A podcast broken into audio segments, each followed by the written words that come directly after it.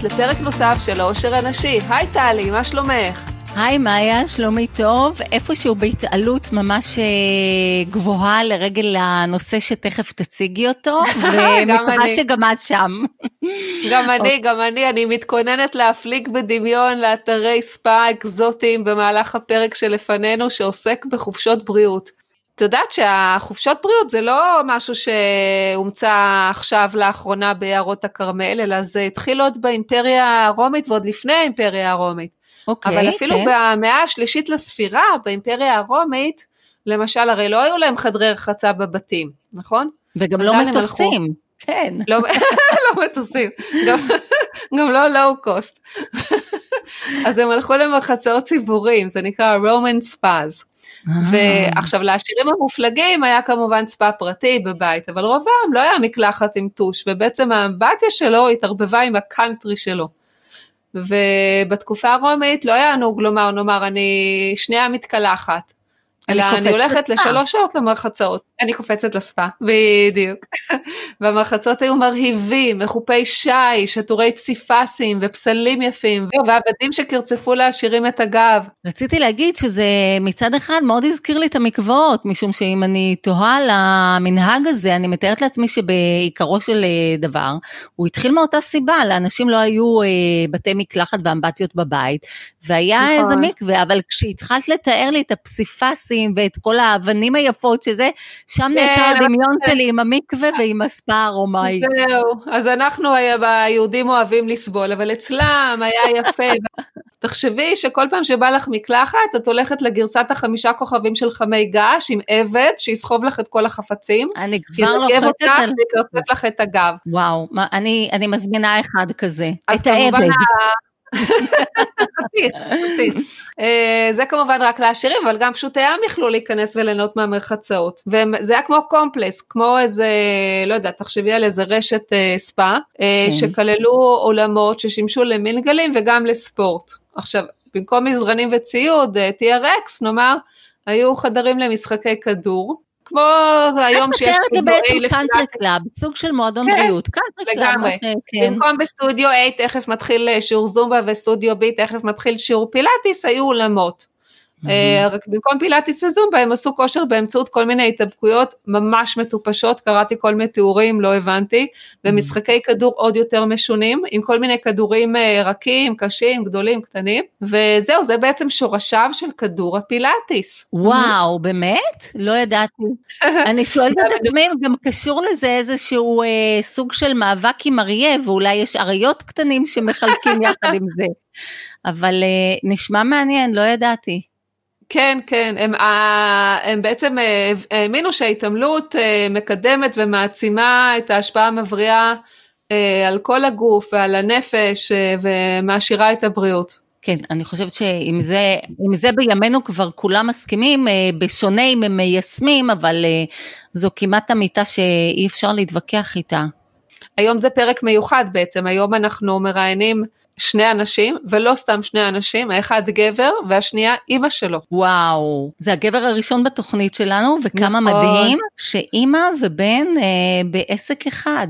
אחלה, אז בואי נפגוש אותם. אז קבלו את ניר מנצור, מנכ"ל חברת סורנטו, חופשות בריאות, שיספר לנו על חופשות קצת אחרות שמשלבות נוף עם בריאות וכושר, ואת אימא לינדה, שהיא מייסדת החברה, שהיא הגתה את הרעיונות לחופשות המיוחדות של סורנטו מניסיונה. אז היי לינדה וניר, מה שלומכם? היי, מעולה. אני רוצה להקריא לכם קטע מתוך מונולוג שנקרא הטיול המאורגן, מתוך מחזהו של חנוך לוין, הג'יגולו מקונגו. יאללה. אבל היה פנטסטי, כי הלכנו לסוכני נסיעות הכי יקרנים. נורא דיבר אלינו חבילת התיאור שלהם, הם באמת נתנו המון, מעל ומעבר. רצנו כמו משוגעים, עלינו וירדנו וירדנו ועלינו, וכל הזמן הסתכלנו, אפשר לצאת מהדעת, כמה אפשר להסתכל ולהסתכל. כל הכבוד להם, ממש לא חסכו טרחה, הריצו אותנו כמו עדר בהמות, אפשר לצאת מהדעת. והיינו בקברט הזה בצרפת. אה, אה, אולי זה היה עוד בשוויץ, בשוויץ היה הנוף, ראינו באמת הרבה נוף והרבה מוזיאונים והרבה כנסיות, אני מקיאה מכנסיות. ובשוויץ היה אגם, ובתוכו כנסייה, ובפנים מוזיאון, או להפך, אני כבר לא זוכרת. כך ממשיך המונולוג, שהזכיר לי טיול מאורגן שאליו שלחו אותי הוריי בגיל 16. טיול יקר, ומטרתו שאראה את העולם הגדול. ובאמת ראינו חמש מדינות בשבועיים. טירוף. היום הרבה אנשים כבר הבינו שתפסת מרובה לא תפסת והם מחפשים חופשה עם משמעות. אז uh, תתארו בבקשה למאזינות מה זה בכלל חופשת בריאות, הרי לא מדובר בחופשת של uh, מרפא שבאים לעשות איזה ניתוח בארץ uh, רחוקה. חופשת בריאות ברמת עקרון באמת יש שוני מאוד גדול מחופשות מרפא, החופשות האלה הן דווקא מיועדות לאנשים שהם בריאים. את החופשות בריאות האמת נולדו בזמן שאני עבדתי מאוד קשה והייתי בסטרס. אה, ולא הבנתי איך אני יכולה להיות יותר שמחה בעולם הזה. ואז נסעתי לחופשת בריאות שהייתה באוסטריה, והבנתי מה אישה צריכה שהיא עובדת כל כך קשה במשך השנים. היא צריכה את החופש שלה לבד עם קבוצה קטנה במקום מקסים כמו מול הים, או נופש ביער, או מול איזה נהר. אז החופשות בריאות באו באמת אה, שניקח פסק זמן, כן, ואז אה, באמת ישבתי וחיפשתי מה אני רוצה. כסוכנת נסיעות עם משרד והכל, ידעתי בדיוק מה אפשר לעשות. ואז יצאתי לטיול הזה של חופשת בריאות, יוגה, והבנתי מה באמת כל אחד צריך כדי שלהוציא את הסטרס הזה מעצמו. רגע, אז לינדה, זה משהו שמאוד מרתק אותי. את אומרת שעבדת מאוד קשה כסוכנת נסיעות, אז מה, הסנדלר הולך יחף? היית סוכנת נסיעות שנתונה בסטרס וגם לא מכירה את הדברים שהם באמת אלה שכבר יוצאים מהעבודה, מספקים לך את החופש הנדרש, זה התגלמות הסנדלר ההולך יחף. לא, מאיה בדיוק סיפרה על זה. ללכת ולנסוע ולראות את זה ואת זה ואת זה ואת זה ועוד אחת ועוד אחת ועוד אחת ועוד אחת, זה לא נקרא חופשת בריאות. זה לא נקרא לעשות פסק זמן סטופ מול הים, להרגיש את האוויר, לעשות קצת יוגה, לאכול אוכל טעים ובריא ואורגני ברוב המקרים. אז אני רק אחדד את זה, את עבדת בתור סוכנת נסיעות לפני כן, זאת אומרת שנושא החופשות היה מוכר לך, ואותו הדבר ששיווקת לאחרים, שיווקת אותו ב, אולי בזמנו באמונה שלמה שהוא הנופש האולטימטיבי, כמו שהיה נהוג לפני שנים, ללכת עם טבלה ולסמן וי לאורך הטבלה למראה אתרים ותוך כדי הספק מואץ. בדיוק כך, וכשאני חוזרת אני מספרת לכל השכנים שלי כמה היה כיף שרצתי ורצתי ורצתי ורצתי והתעייפתי ועכשיו אני רוצה לנוח. בזמנו כבר היית בעולם היוגה? כבר היית מדריכת יוגה? אה, מדריכה עוד לא הייתי, מדריכה לא הייתי, אבל התחלתי להיכנס לעולם הזה, התחלתי להבין מה זה באמת להקשיב לעצמי, מה אני רוצה, איך אני יכולה להרגיע את עצמי, איך אני יכולה להיות שמחה. בעולם הזה. וזה לאט לאט חדר, וכשחזרתי, ניר עבד איתי, ואמרתי לו, תקשיב, אם אני הייתי יכולה לעשות איזה חופשות כאלה לאנשים שבאמת עובדים קשה, ונוסעים לחו"ל עם המשפחה והכל בסדר, אבל פעם בשנה או פעמיים בשנה לעשות סטופ לעצמם, לעשות פאוזה וליהנות מהחופשה, באמת ליהנות ממנה. שחוזרים לא חייבים לבוא לספר לכל העולם, כי זה כבר שלך, אתה כל כך נהנית.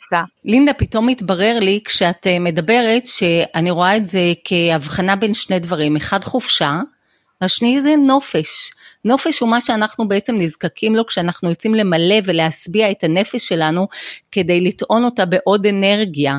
וזה מסוג הדברים שאתם מציעים. חופשה פתאום ככה אני חושבת על המילים חופשה ולחפש אותו איזה שורש זה בעצם לצאת לחפש לחפש בלי סוף עוד אתר ועוד אטרקציה ועוד בילוי ועוד מקום בעצם אתה חוזר מרוקן מה שאומרים הרבה אחרים חזרתי מהחופשה עכשיו אני צריך לנוח נכון. או לנפוש מאוד מעניין באמת אז עם מה טוענים את הנפש? תראה אנחנו קוראים לזה חופשת בריאות mm-hmm. ויוגה ויוגה זה בכלל חיבור בין גוף ונפש כן גוף ונפש. אנחנו מחברים בין גוף לנפש שמה, ואנחנו נותנים להם גם לנפוש, כי אנחנו הולכים במקומות באמת מהממים.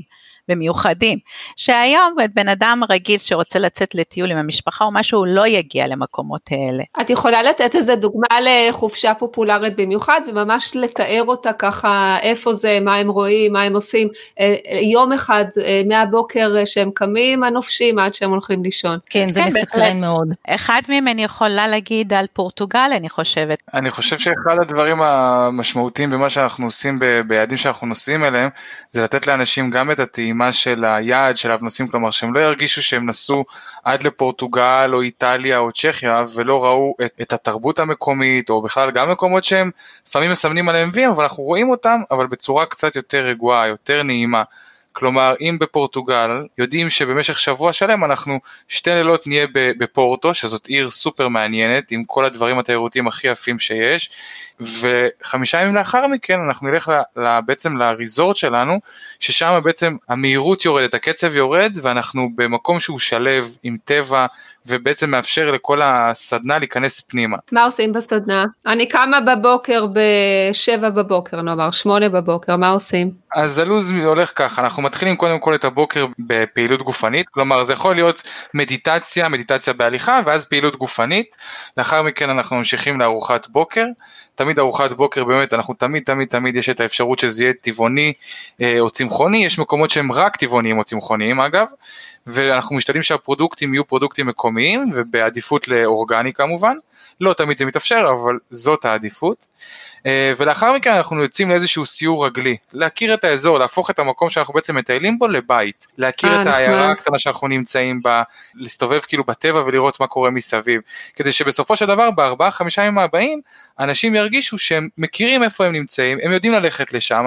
כן, אני רוצה להוסיף, אחרי חצי יום שנמצאים, הם כבר מכירים את האזור, הם כבר הם ממוקמים, הם יכולים עצמאית גם לצאת לטבע? כן, כן, בהחלט, בהחלט, זה כל העניין. הכוונה. כן. וזה הדבר החשוב שאנחנו עושים, אנחנו עושים באמת טיול מכין לפני זה, אנחנו מכירים את האזור, מכירים את המקומות, נותנים להם את כל ההמלצות כדי שהם לא יצטרכו, בעצם יש להם אבא ואימא, אבל אבא ואימא מרחוק. כלומר הם לא צריכים אותנו, הם ממש יכולים להיות עצמאים בדבר הזה במקום שהם נמצאים בו. אבל הם תמיד יכולים לשאול אותנו מה כדאי, אני אוהבת ככה, אני אוהבת למשל, אני רוצה לרכוב על האופניים ולהסתובב, אז אנחנו תמיד נמצאים שם בשביל להגיד להם מה לעשות. אה, סליחה שאני חוזרת לפורטו, אבל מעניין אותי עכשיו, מה, מה בעצם עושים יומיים לפני זה בפורטו, ממש אה, עיר אה, כמו חופשה רגילה, או שגם בזה יש שינוי? תראה, אף פעם זה לא חופשה סטנדרטית כמו שמכירים by the book, אם מישהו הולך עם אה, שלט מעל הראש ותבואו אחריי 20 איש. זה מה אוקיי. שאנחנו לא מאמינים בו פשוט. יש uh, ללמוד איזשהו דיוק מסוים שאתה עושה את החופשות האלה, אנחנו מרגישים שאנחנו כמו מנצחים על מקהלה או באמת uh, במאים בתיאטרון, כלומר אנחנו רוצים לתת להם את הדבר של לחוות את פורטו ובכל זאת את העצמאות. אז אנחנו בדרך כלל ביום הראשון אנחנו עושים איזשהו סיור מודרך של מדריך מקומי שהוא נותן גם חוויה מסוימת כי זה לא, זה לא טיול סטנדרטי, של בסביבות שעתיים שלוש להכיר את העיר, את המקומות המרכזיים ומשם הם חופשיים. עכשיו חשוב להגיד שגם בפורטו אנחנו נותנים את, ה, את השיעורי יוגה, את הדברים הבסיסיים שלנו כחופשת בריאות. אה, באמת? איפה זה? כן. במלון? במלון, תמיד, הרי כל החופשות כן. שלנו יוצאים עם מדריכים מהארץ. ואנחנו אנחנו יוצאים עם שניים, עם מדריך כן, ומלווה קבוצה. נכון. אז רגע, שנייה, המדריך הוא מדריך יוגה, ומלווה הקבוצה הוא גם מקומי, זאת אומרת ישראלי, לא, לא. אבל המדריך של פורטו, מדריך, המדריך של... של פורטו הוא מקומי, מפורטו, פורטוגל, פורטוגזי, mm-hmm. ואנחנו יוצאים עם מלווה קבוצה שהוא בעצם אחראי על כל הלוגיסטיקה, בעצם עם הטיסות, נסיעות, מלונות, כל הדברים שצריך לענות לאנשים. אב בית. כן, אב בית, בדיוק. אני יכול להמשיך את הסדר יום בעצם שהתחלתי מקודם בנוגע כן, למה שקורה להגיד. כן, כן. אז אחרי שאנחנו מכירים נגיד את העיירה או קצת מטיילים בטבע, אז אנחנו ממשיכים בעצם נגיד בערב אז עוד פעם יש לנו תרגול, כל יום יש לנו תרגול בוקר, תרגול ערב, ובאמצע יש לנו איזושהי הרצאה או תכנים שהם עיוניים, כלומר... שמי מעביר להיות... את זה? המורה, המורה בעצם היא אחראית על התכנים. אה. לפעמים אנחנו גם יוצאים יש הרבה סדנאות שהן יותר פופולריות שהן של שתי פעילויות כלומר יוגה ופילאטיס בפורטוגל זה כבר היה לנו. גם היה לנו ריקוד. כן, גם, גם גם. תנועה, צ'יקונג, זה הרבה שילובים של כל מיני דברים. אה, אבל המדריכות הן בעצם אחראיות על התכנים, אנחנו בונים אותם מראש. אה, רגע, איזה סוג של ריקוד כשאני לא, לא, לא אחשוב על זה כל הרעיון הזה, איזה סוג של ריקוד? ניה. יש חמשת, המ- יש נייה, חמשת. המקצבים, תנועה חופשית, אה. אה, יש כל מיני דברים. איי איי איי איי אני כבר רושמת. אז באמת חשוב שאנחנו מנסים לתת איזשהו באמת שילוב בין לוח זמנים שהוא הוא מלא, כלומר יש להם באמת שיעורים, אה, דברים עיוניים, טיולים בטבע, ובכל זאת שהם ירגישו, את יודעת, יש לנו שבוע, אז לא כל הימים הם עמוסים, יש להם זמן חופשי שהם בו אמורים ללכת וליהנות מה- מהפסיליטיז, בין אם זה במלון או בין אם זה בעיירה. יש ים, יש טבע, יש ספא במלון, יש המון דברים מסביב. כן, בפורטוגל למשל, אז יש מועדון ספורט אה, של המקום, שיש בו SUP שזה גלישה כאילו בעמידה stand up paddling, יש שם טיולי אופניים מקצועיים, יש, אה, יש המון דברים מקומיים בעצם שאנחנו נותנים לאנשים לחוות אותם. ואנחנו נותנים את זה מראש, כאילו שיוכלו לחוות את זה מראש. את זה בתוך הלוז. איך משכנעים לקוח כמוני שהוא בעצם נע בין שני קצוות? בואו ניתן לכם דוגמה, למשל אי שם בשנות, אה, אמצע שנות ה-20 נסעתי עם בעלי ל... אני לא יודעת אם לקרוא לזה חופשה או אה, נופש, כי זה היה יותר פחות נפ... אה, נופש לנפש ויותר בשביל הבטן. נסענו לשבוע שלם של קולינריה במקום שנקרא יוז'ני דה בן בפרובנס, של אה, שף שנקרא מישל גרה, ובמשך שבוע הביסו אותנו בכולסטרול, בסוכרים, וככל שהביסו אותנו היינו מאושרים כי קיבלנו תמורה לאגרה. זה היה חופשות של בערך לעלות לפני... גרה, התכוונת, לאגרה, לעלות גרה. בדיוק, להעלות גרה. הוא שף מאוד ידוע, הוא שף בכיר, ואיפשהו גם הייתה אמירה מאוד מפולצנת בזה שאנחנו נוסעים לשבוע למישל גרה המהולל במרחצאות שלו של יוז'ני דה בן. אוקיי, גמרנו את זה, זה היה בערך לפני 20 ומשהו שנים. אוקיי. החופשה האחרונה שלי שהייתה, לעומת זאת, הייתה בוואדי רם, בירדן, אה, שם אכלתי חול, חול ו...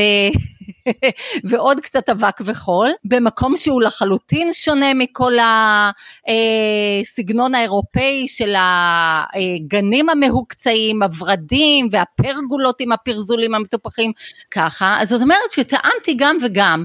היום אני לא אלך לחופשה שהיא כולה קולינריה בגלל שזה מאביס אותי ואני בגיל שנורא לא מעוניין להעלות את הקילוגרמים. אני בן אדם שכן עושה ספורט ביום יום, אני רצה או צועדת, אבל כשאני מגיעה לחופשה, אני בשום פנים ואופן לא רוצה לרוץ או לצעוד, כי מבחינתי זה סוג של עבודה, ויש מצד שני את העניין הזה של אוקיי, אני גם באותה מידה יכולה לצאת לחופשות שהן אה, מדבריות, להתלכלך, לאכול בידיים, לישון אה, באוהל עיזים עם עוד כמה חברים, אבל איך אני מוצאת את המקום הזה באמצע? איך תשכנע אותי? זאת אומרת, מעניין אותי איך בן אדם נקשר לאמצע הזה, שהוא גם קצת כזה, גם קצת אחר, ונניח שהוא לא כל כך רוחני. האם הוא יכול לבוא ולגלות שזה משהו שבאמת מדבר אליו? כי אני למשל לא מתרגלת מדיטציה, לא מתרגלת יוגה, כל הדברים, המילים המוזרות שהעברתם פה עם מאיה, שהם חלק מההוויה והעולם שלה, אני מתקנאת בה שזה כך, אבל אצלי זה לא. אז האם אני יכולה להיות לקוחה פוטנציאלית שלכם? כן, בהחלט כן. אני אגיד גם למה, קודם כל אה, לשכנע זה משהו שאנחנו פחות עושים, אנחנו אולי משכנעים את המשוכנעים, כלומר אנשים שפונים אלינו הם אנשים שהם באיזשהו מקום, בדיוק כמו שאת אומרת, הם ניסו וניסו וניסו ועכשיו הם קצת רוצים אני לטעום משהו אחר. השתכנעתי. כן, אני, אני, אנחנו לא, את יודעת, אנחנו לא אני- עובדים ב... אני אחת מהשאיפות שלי בחיים זה לסמן וי על כל החופשות שלכם. אה, אז אני שמח קודם כל, אבל תראי, מה שאני חושב זה שבאמת אנחנו נותנים איזשהו ארגז כלים שלם, כלומר לוז שהוא מלא בתכנים שהם באמת מדהימים באופיים. אבל אדם שהוא לא בוחר- רוחני כמוני, הוא, י- הוא יכול לבוא ולהתחבר? זאת אומרת, מה זה לא רוחני? משמעית. אני לא מקיימת אף אחת מה- אה, מהתרגולות האלה, לא ש... כמו שאמרתי, יוגה, מדיטציה, שום דבר מאלה. אבל אבל רגע, תפרידי, שנייה. תפרידי בין, רגע, תפרידי בין אה, רוחניות לבין התעלות נפש, והתעלות נכון, נפש... אני אעשה את ההבחנה, כי רוחנית כן יכולה להיות רוחנית, אבל אולי אני לא מתרגלת את הדברים האלו שמביאים להתעלות הנפש. אני אומרת את זה מתוך סקרנות כדי לצאת מהקיבעון שלי, משום שכשבאיה למ- מאיה למשל באה עם הרעיון הזה, הוא רעיון שזר לי, הוא מאוד קשור לעולם תוכן שלה. ומשהו בי ככה קצת נרתע, ומצד שני אמרתי רגע זה לא שמתדפק לך עכשיו סוכן מכירות על הדלת ומנסה לשכנע אותך, נהפוך הוא, יש להם את הפלח אה, אוהדים שלהם, ואת אם את רוצה להרוויח משהו, בואי תפתחי, אולי אה, תגלי משהו חדש. בדיוק זה. באמת, הרבה אנשים שמגיעים לטיולים שלנו, הם, אה, הם לא מכירים את העולם הזה, הם לא תרגלו יוגה בחיים אפילו, זה קורה המון.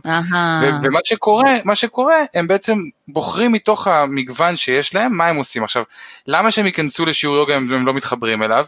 כי א', המורים שאנחנו, המורים והמורות שאנחנו מביאים, הם אנשים, קודם כל אנושיים. קל מאוד להתחבר ולהבין אותם, והם יודעים שמקבלים, אצלנו לפחות, יחס אישי מאוד. הקבוצות שלנו הן קבוצות קטנות. אז הן לא הומוגניות? יכול להיות שיש לכם בקבוצה כאלה שמתורגלים? הן הכי הטרוגניות. אוקיי, זה מעניין. אבל מה שכן, רגע, אני קודם חייב להגיד שהן הטרוגניות, אממה, אין אנשים שהם סופר מקצועיים, כלומר הסדנאות האלה, הן לא מיועדות לאנשים שהם, את יודעת, לא יודע, גורואים ביוגה או מאסטרים ביוגה, להפך, כן. הם דווקא מיועדים לאנשים שהם מתחילים עד בינוניים בעולם הזה. זה לא תחרות אקרובטיקה, במילים אחרות. אוקיי. וגם זה כן, יש לנו סדנאות שהן מוגדרות מראש, סדנאות למתקדמים, או סדנאות העמקה, לאנשים שהם באמת מתרגלים המון שנים ורוצים להיכנס צעד אחד פנימה לעולם, בין אם זה על הפילוסופיה, על התזונה, אבל זה דברים שהם מיועדים לזה. 90% מהסדנאות הן פתוחות לכלל, לכלל האוכלוסייה ודווקא לאנשים שהם יותר מתחילים ובינוניים. גם אם את לא מתרגלת שום דבר, אין אחד מאיתנו שלא לומד כל יום משהו על הגוף שלו. כלומר... מאוד נכון. אז מעניין אותי דרך אגב, יכול להיות שיגיע אליכם זוג שלמשל האישה היא לגמרי לתוך עולם ההתעלות הרוחנית הזו והגבר לא והוא פשוט מתלווה אליה משום שהיא לא רצתה לנסוע לבד או משום בוודאי. שהוא רוצה, כן, אז זאת אומרת שהוא לא ייקח חלק בפעילויות האלה, והיא למשל אה, תדפוק כרטיס בכל פעילות שיש, מבוקר עד ערב כל ההכשרות והסדנאות, ובכל זאת זה, זה ירגיש לו בנוח. זה בטוח ירגיש לו בנוח, אני, זה קרה הרבה פעמים שזה התחיל ככה, כלומר זוג נרשם, אמר, האישה אומרת לי, אני באה לכל הפעילויות, אבל בעלי לא מתעניין בדברים האלה, הוא רק יבוא להיות איתי. בסופו mm. של דבר הם נכנסים, הם משתתפים, הם נהנים, הם עושים מה שהם יכולים, והם באמת יוצאים במשהו שהם הרוויחו לחיים, האישה אומרת וואו איזה כיף, הוא נכנס איתי לשיעורים והוא נהנה, זה לא שהוא סבל, ולהפך, הוא מצא איזשהו מקום שמתאים עבורו. דרך אגב, אני, אני נסעתי עם אה, אלי לחופשה במדבר, שלושה ימים, אה, והוא לא הלך איתי ליוגות, אבל הוא כן הלך איתי לשמוע את ההרצאות, אה, הוא כן נהנה מהמדבר, טיילנו mm-hmm. קצת מסביב למתחם, הוא מאוד נהנה. אז הוא, יפה, זה רק מראה שזה... הוא בכלל לא בענייני יוגה. זה מראה שזה מאוד מאפשר, זאת אומרת, זה יכול לבוא בכל מיני הרכבים, בהרכב של יחיד, בהרכב של זוג ששניהם פעילים, בהרכב של זוג שרק אחד מהם פעיל יותר, או שאחד פעיל חלקית והשני מאוד. הלכתי עם uh, בתי גילי לחופשת uh, יוגה, סדנת יוגה, uh, במדבר גם, שזה מאוד מתאים ליוגה משום מה. אבל אני בטוחה שגם צ'כיה ובולגריה ופורטוגל אה, גם מספקות אה, נוף מרהיב ליוגה, והמדריכה, אנחנו שתינו לא יוגיסטיות ומאוד לא גמישות, אבל uh, המדריכה מאוד הרגיעה אותנו ואמרה, גם אם אתם לא עושים רבע מהשיעור וממשיכים לנשום את הנשימות, אני צריכה את העזרה שלכם, שכחתי איך קוראים לנשימות האלה. כן, כן, הוג'אי. גם אם אתם ממשיכים לנשום את הנשימות הוג'אי, אתם חלק מהתרגול, אתם לא צריכים לעשות את הכל. זה להתחבר לעצמך, לחוות איזושהי התעלות uh, גופנית ונפשית, ועם החיבור לטבע מתקבל שילוב שלדעתי הוא הרבה יותר מרומם נפש מכל uh, ריצה uh, מיוזעת באיזה עיר בירה uh, צפופה אחרי דילים ובפרימארק. פעם עשינו איזשהו סדנה, אומנם בארץ, אה, הרצאה יותר נכון, שנקראת להקליק מהלב של צלמת, שהיא בעצם לימדה אנשים שנוסעים לחו"ל, איך הם אה, נוסעים לחו"ל, נוסעים לפריז למשל, מבלים שבוע שלם ולא חוזרים עם תמונה של האייפל. כלומר, זה לא העניין של רק לצלם כל הזמן ולעשות ויים, כמו שאת אומרת, על מלא דברים, אלא באמת לשהות במקום, לקבל את, את הדברים שנוצרים באותו רגע וליהנות מהם. אתם מכירים את התופעה הזאת שחלק ניכר מהחופשה אתם עסוקים בדיבורים על החופשה הבאה? נאמר אתם יושבים על החול אה, מול הים ביוון, ומתכננים את הטיול לאנגליה, או יושבים באנגליה בבית קפה, מתכננים את הטיול לזנזיבר. נכון שזה קורה?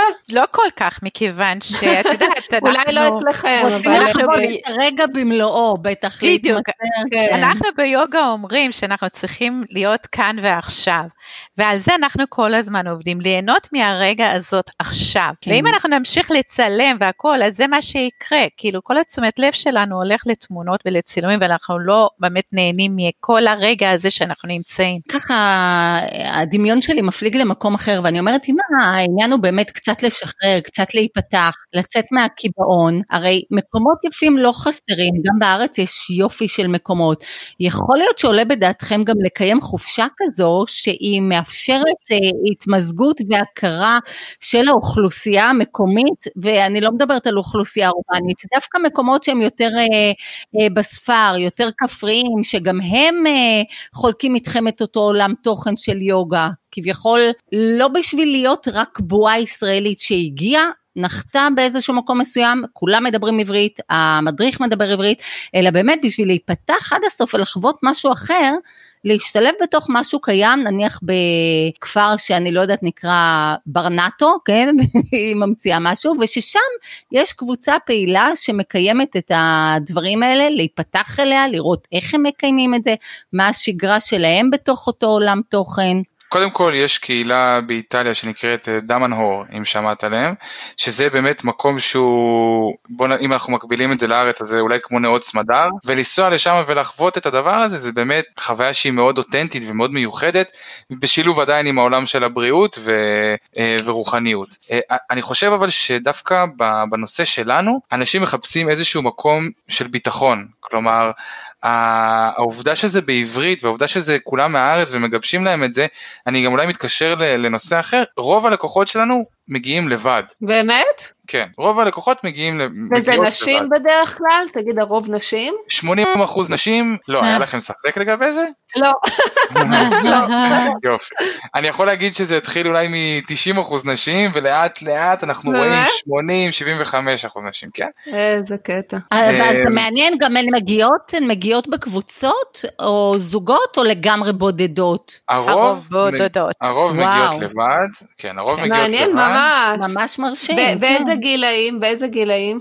אמ, אה, אני לוקח לכם מדגם שהוא קצת אה, רחב, אבל 45 צפונה אלו הגילאים. כמובן שיש תמיד מכל הגילאים, כלומר היה לנו גם 20, היה לנו מ-18 עד 65 באותו טיול, והיופי בדבר אבל הזה שהן היה...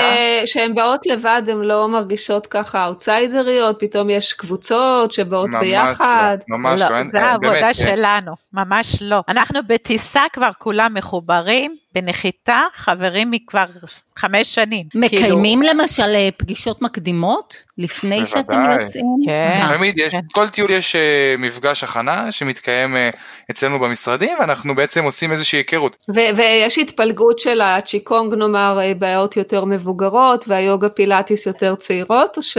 דווקא ביוגה ובפילאטיס זה מנעד של כל הגילאים, כלומר מגיעים מכל הגילאים, באמת שזה מאוד רחב. צ'יקונג בהחלט מושך לעצמו קהל יותר מבוגר, אתם מעוניינים להסביר למאזינות, כמוני, שהן אה, בורות בנושא, מה זה הצ'יקונג? אה, זה שאני יודעת להגיד צ'יקונג זה לא אומר שאני מבינה מה זה דרך אגב. צ'יקונג ברמת העיקרון זה סוג של אה, משהו מהרפואה הסינית, כלומר זה אומנות שהיא משלבת גוף ונפש בתנועה. אה, אם אנחנו לוקחים שנייה את המילה צ'י, צ'י זאת אנרגיית החיים. אז בעצם זה להזיז את אנרגיית החיים במעלה, באמצעות תנועה שהיא משלבת גם נשימה וזה בצורה מדיטטיבית. ברמת העיקרון... אבל זה נשמע בדיוק כמו יוגה, מה ההבדל? נכון. לא, אז- זה אז איטי יותר. כל, רגע, אני חייב להגיד שבאמת אם אנחנו מסתכלים על, על, על הדבר הזה, זה ממש מקביל, כלומר, אה, צ'יקונג מגיע מסין והודו מגיע, אה, סליחה, יוגה מגיע מהודו, וזה באמת שתי אומנויות שהן מאוד מאוד מאוד דומות אחת לשנייה. אה, כלומר, גם ביוגה המטרה היא להזיז את הפרנה בעצם, את האנרגיה של הגוף, אה, את האנרגיה דרך הגוף, ובצ'יקונג זה את הצ'י, אבל התנועות הן שונות, נגיד יש לנו זוג מדריכים שהם עושים אה, סדנאות יוגה וצ'יקונג, שהם ממש מביאים את העולמות האלה בשילוב. ואז היוגה זה כאילו ההתעמלות היותר אינטנסיבית והצ'יקונג זה יותר אה, רגיעה או משהו כזה? זה תמיד תמיד תמיד כמו די.ג'יי טוב, זה מותאם לקהל, אין דבר כזה, אנחנו לא באים עם, את יודעת, אנחנו באים עם איזושהי תוכנית מהבית, אבל אנחנו מתאימים את זה לקהל לקוחות שלנו, אנחנו לא באים ואומרים זה מה שקבענו, זה מה שיהיה. לפני שהרי יוצאים, אנחנו, יש מפגש בין כל הקבוצה. ושם המדריכה יודעת בדיוק כל אחד מה הוא מצפה, מה הוא יודע, איך הגוף שלו, מכירה אותם. אז היא יודעת שיש לה שבוע לארגן את כל הדברים. היא לא שואלת אותם, אבל היא כבר יודעת, היא שאלה, יודעת מי מגיע לטיול שלה. מה היקף הקבוצה? כמה מגיעים? אנחנו שומרים על קבוצות קטנות, זה איזשהו אה, משהו שאנחנו דוגלים בו ואנחנו לא הולכים לשנות אותו. אה, בחו"ל אנחנו שומרים על אה, 15 עד 18, אולי 20 איש. בארץ אנחנו מאפשרים לטיולים קצת יותר גדולים, כי יש לנו יותר תמיכה, יש לנו יותר עזרה. אז בממוצע בוא נגיד 15 עד 18 איש. תנו לי עוד אה, דוגמה לחופשה ב... ברזורט אחר, נאמר. תראה, אני אקח אותך דווקא אולי לטיולים שהם קצת שונים. אה, אוקיי. יש לנו נגיד טיול בהודו, בהודו או בסרי לנקה. אז uh, בהודו אנחנו משלבים בעצם יוגה ותרבות. ואנחנו משתדלים בתוך התרבות הזאת לתת את הדברים שקשורים לעולם, ה, לעולם היוגה, כמו למשל אה, סדנת בישול היורבדי, או באמת עיסוי היורבדי, דברים שהם מתקשרים לתוך העולם הזה. ממש מגרה אותי שנגעת. ממש, תגיד, ואנשים חוזרים אה, פעם אחר פעם, או שמספיק להם חופשה אחת ו... או שהם עושים את זה בתור איזושהי אה, תרפיה שנתית. אני יודעת למשל שבמזרח אירופה מאוד מקובל לנסוע פעם בשנה לחופשת ספא, להתרענן. אז זה קצת שונה ממה שאנחנו עושים, יש לנו, רוב הלקוחות שלנו חוזרים. אוקיי? בוא נגיד את זה ככה. אה, יש לנו לקוחות שגם נסעו איתנו חמש פעמים, פעם בשנה הם מחכים לטיול שהם, אה, אנחנו כל פעם פותחים יעדים חדשים, אז לטיול שהם עוד לא היו בו בעצם, ליעד שהם עוד לא נסעו אליו או למדריכה שהם עוד לא חוו. אנחנו נמצאים, בדרך כלל היעדים שאנחנו נוסעים אליהם הם אתרי נופש, ריזורטים מה שנקרא, שמתאימים לאופי ולאורך הסדנאות שאנחנו מקיימים.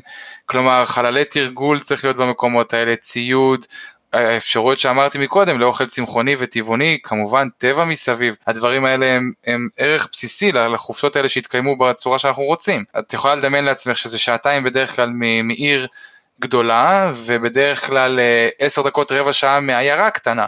אז mm-hmm. אין לחץ, אין צפיפות, אין, ה, ה, להפך, ההיכרות שלנו עם, ה, עם המקומיים היא היכרות משפחתית, כלומר אנחנו נכנסים אליהם לתוך הכפר או, או למקום האותנטי הזה, ובעצם רואים אותם איך שהם חיים ביום יום שלהם ו- וחווים חוויה אחרת לגמרי ממה שבדרך כלל חווים תיירים בחו"ל. את גם uh, לוקחת איתך מהחופשות האלה, uh, במקום לעשות נאמר שופינג ולקנות uh, מזכרות, אז במקום uh, מגדל אייפל קטן לוקחים תובנות הביתה והדברים האלה לא יושבים על המדף זה בעצם דברים שאת לוקחת איתך אחר כך ומיישמת אותם ביום יום uh, נאמר נחזור לחופשת יוגה שלי עם גילי עם, עם הבת שלי עשינו מדיטציה תחת אה, כיפת השמיים אה, בלילה.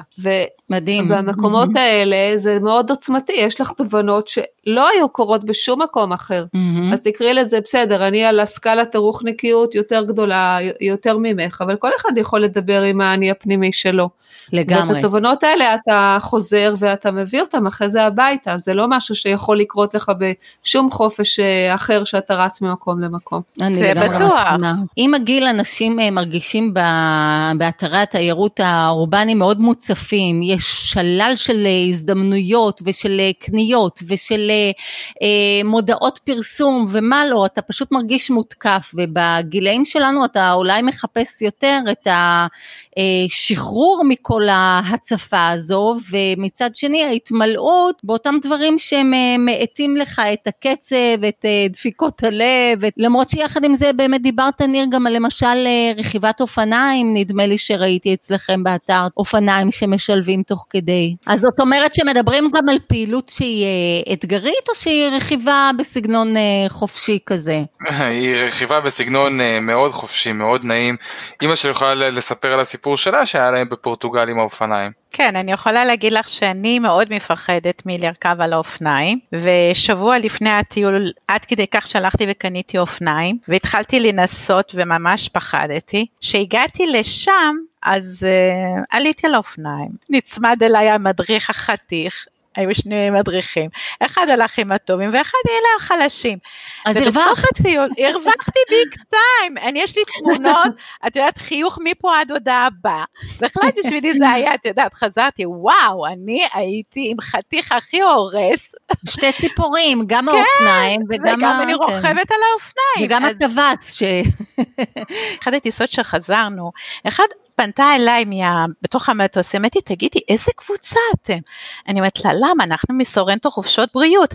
היא אומרת לי, לא, אתם רק מחייכים. מה זה? איזה טיול עשיתם? אה, וזה הקטע, כאילו אני, באמת ביום אז שנסעתי לטיול רציתי חיוך, אני רוצה חיוך על הפנים כל הזמן, וכשאת חוזרת מטיול כזה, את מאושרת, באמת, את עם חיוך. עכשיו רגע בואו נשים את הדברים הרוחניים ואת החיוך ואת כל הערכים הנפלאים האלו ונדבר רגע מבחינה כספית. מישהו צעיר יכול לאפשר לעצמו את זה?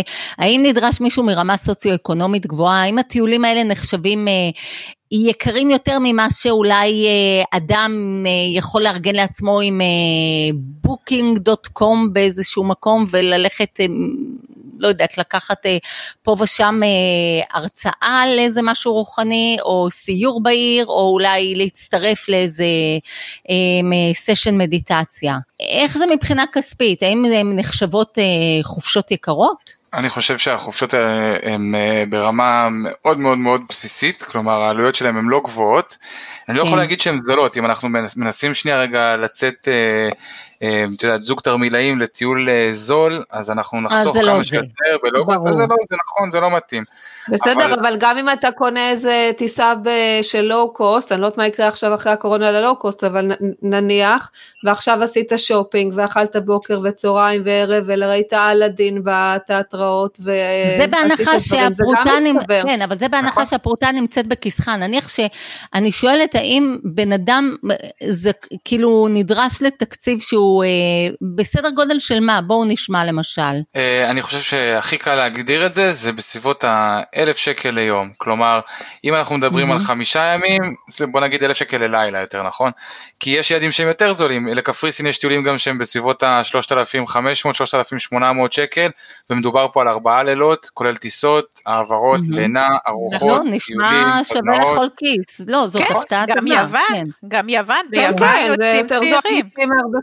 ליוון יוצאים צעירים בגלל זה, כאילו באמת, נכון. זה ממש טוב לכל כיס.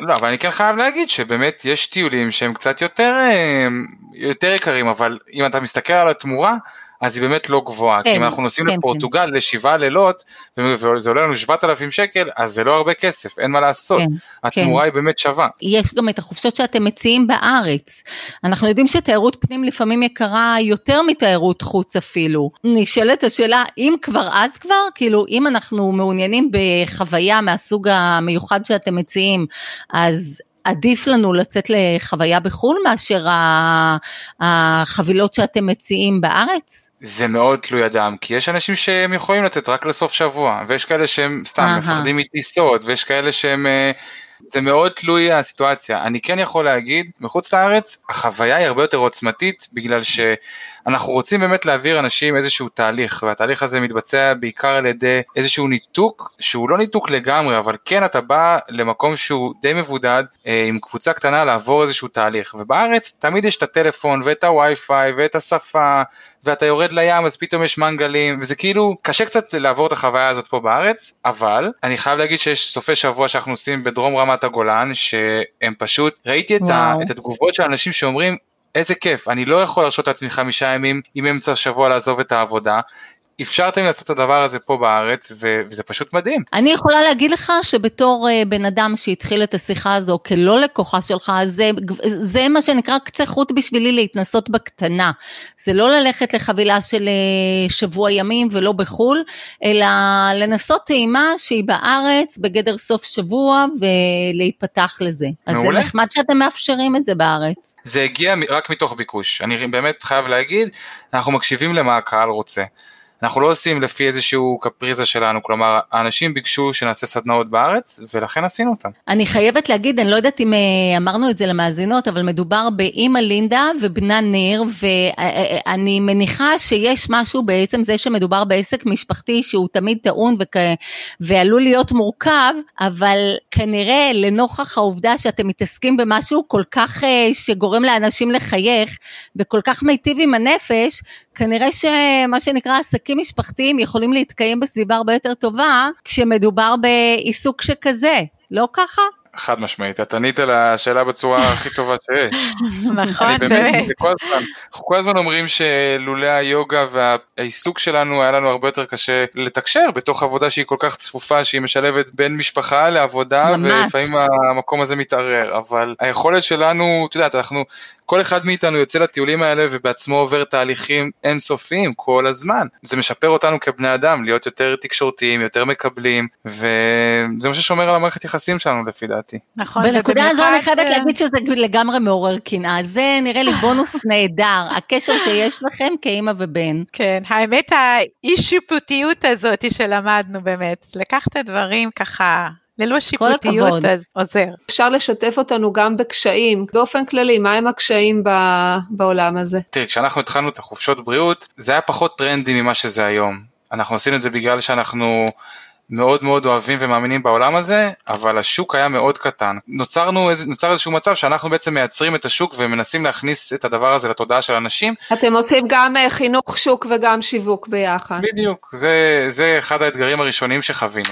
ולאט לאט, הרי הדבר הזה התחיל בתור חופשות יוגה בלבד, אה, ולאט לאט הוא הוא הלך וצמח להיות חופשות בריאות, דברים שהם קצת יותר, אה, גם בגלל שהפן הכלכלי אה, לא, לא, לא מאפשר לך להתפרנס רק מחופשות יוגה, אלא באמת יש קהל שלם של פילאטיס וצ'יקונג וניקוי רעלים וגלישה שהוא צמא לזה, ואתה בעצמך מכיר את העולמות האלה, ואז אתה גדל להיות אחד שמתנסה בהם וגם מוציא חופשות שלהם. קשיים נוספים, הרצון שלנו לשמור על, על האיכות של החופשה, כלומר, אנחנו לא נתפשר במקומות הלינה ולא נתפשר בכמות הקבוצה, בגודל הקבוצה, בכל בכל זאת אנחנו יודעים שאתה לא רוצה להגיע למחירים שהם גבוהים יותר מדי כדי לאפשר את זה לאנשים שרוצים לחוות את זה. אז יש פה איזושהי תקרת זכוכית ומה שזה, שזה מצריך מאיתנו זה להוציא פשוט במקום קבוצות גדולות שאין להם איכות והכל מתבלגן, להוציא יותר קבוצות. יותר קבוצות זה דבר שהוא בעייתי מבחינתנו כי אנחנו, אתה יודע, יש לנו בארץ עוד, עוד התחייבויות ואתה לא יכול להיות כל השנה בחו"ל. טליה, יש לך עוד שאלות? לא. אני חושבת שאני ארשם מתישהו.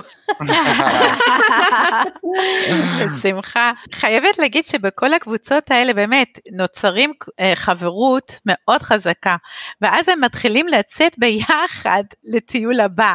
כאילו הם כל כך נהיים חברות, כי זה, זה העניין שם גם. אני, אני מתחילה את זה הפוך, אני אומרת שאני מגיעה לזה קודם כל בזכות חברה שזאת מאיה, זאת אומרת אתם עשיתם פה עבודת אה, שכנוע מבלי לרצות להיות אנשי מכירות, שאלתי שאלות והגעתי לתשובות שהן מעניינות, אבל ה, ה, להיפתח לזה, קודם כל זה כנראה מעצם זה שאני שומעת שיש חברה, שהיא אה, בכל זאת איזושהי אסמכתה מוצלחת בעיניי, והיא מספרת שזה מסוג הדברים שעושים לה טוב. אז uh, אני חושבת שזה מסוג הדברים שבאמת גם עובדים אצלכם, מפה לאוזן. אכן. אני באמת חשבתי איזה תכנים אנחנו יכולים להביא לפודקאסט שלנו, שזה עושר הנשי, uh, גם היה ברור לי שזה ישלב גם גוף וגם נפש, וזה בעצם גוף ונפש ביחד, אבל לא רק גוף ונפש, אלא גם אני חושבת שכן הנסיעה לחו"ל אה, מכניסה את החושים, אה, מחדדת את החושים, כי זה בכל זאת נוף קצת זר, ולכן כן משהו מתעורר, כן משהו נפתח mm-hmm. לחוויות שונות, והתמהיל הזה בעיניי הוא בטח אה, חלק מהאושר שלי. וגם כן, הגילטי פלז'ר שלי זה לדפדף בטיולים ולחלום על הטיול הבא. אנחנו מקווים שבאמת ברגע שהמשבר הקצר הזה ייגמר, אז uh, כולנו נחזור. או שתחזרי כן, לדפדף, כן. זה גילטי פלז'ר שהוא בזול יחסית, מייקה. לגמרי. כי היינו במלונות יוקרה ובכל מיני מקומות יפים בעולם, אבל לפעמים זה משעמם פשוט אחרי יום וחצי, ואתה יושב על חוף נורא יפה ומרגיש קצת אה, ריקנות. לא, לפעמים גם צריך פשוט לגוון, לא צריך להגיד משהו שהוא פחות מוצלח על משהו אחר, אה, בשביל להניב הנאה מדבר חדש נוסף. זה יכול להיות גם וגם וגם. נכון, זה מה שאמרתי ממש בהתחלה, שזה באמת סוג אחר, זה קונספט אחר לגמרי, שלדעתי כל בן אדם צריך אותו לעצמו. כתבתי חמשיר לכבוד הפרק שלנו על אה, חופשות בריאות. יאללה. אתם רוצים לשמוע? בהחלט. כן. אז אה, זהו, אז אה, ניסיתי לכתוב חמשיר, איננו שיצאו לי שש שורות במקום חמש, ולפיכך מדובר בשישיר, שזה נשמע לי כמו תבשיל גרוזיני. או חמשיר ליום שישי. בבקשה. האם את רוצה קצת שישיר עם החצ'פורי והחשי? כן, ותוסיפי בפנים גם ביצה חומה וחצילים מטוגנים, זה לגמרי נשמע אין לי בעיה. אה, on the house. אז אני מתחילה בחמשיר, תתכוננו נפשית. אינהל, אקסל. טוב, בזיליקה קתדרלה הוא פסל יווני, ממש מעניין את הסבתא שלי. תנו להירגע ולעצום את העיניים, להרגיש את השמש דרך העפפיים, לשאוף אוויר ולנשוף פחדים, להריח את הטבע, העצים והפרחים, לעשות מדיטציה ולהתחבר לעצמי. זאת החופשה האולטימטיבית בשבילי. נהדר. מדהים. אני כבר רוצה לחוות, אני כבר רוצה לחוות או לטעום או להריח את מה שאירחת שם. אז uh, עד כאן הפרק על חופשות וסדנאות בריאות. תודה רבה ניר, תודה רבה לינדה. תודה, מאיה ושתהיה. נחיתה רכה בשגרה שלאחר התקופה המאתגרת של הקורונה. תודה לכם. תודה לינדה, תודה אה, ניר, תודה מאיה. תודה רבה. תודה, תודה לכולם. תודה, תודה. תודה לכם. היה מדהים. ולכל מאזינותינו ביוטיוב, לא לשכוח ללחוץ על הכפתור הרשמה למינוי הנמצא מתחת לסרטון בצד שמאל בצבע אדום. זה אמנם לא ישגר אתכן לחופשה על חופי יוון, אבל לנו זה יעזור לקדם את הפודקאסט. אז לחיצה על הכפתור לא עולה כסף, לא פותחת טופס ולא מחייבת אתכן לדבר. אז תודה רבה טלי, היה פרק ממש בכיף, ומקווה שנמצא את עצמנו בחופשה מפנקת בקרוב, ואמרו אמן. אמן. אמן.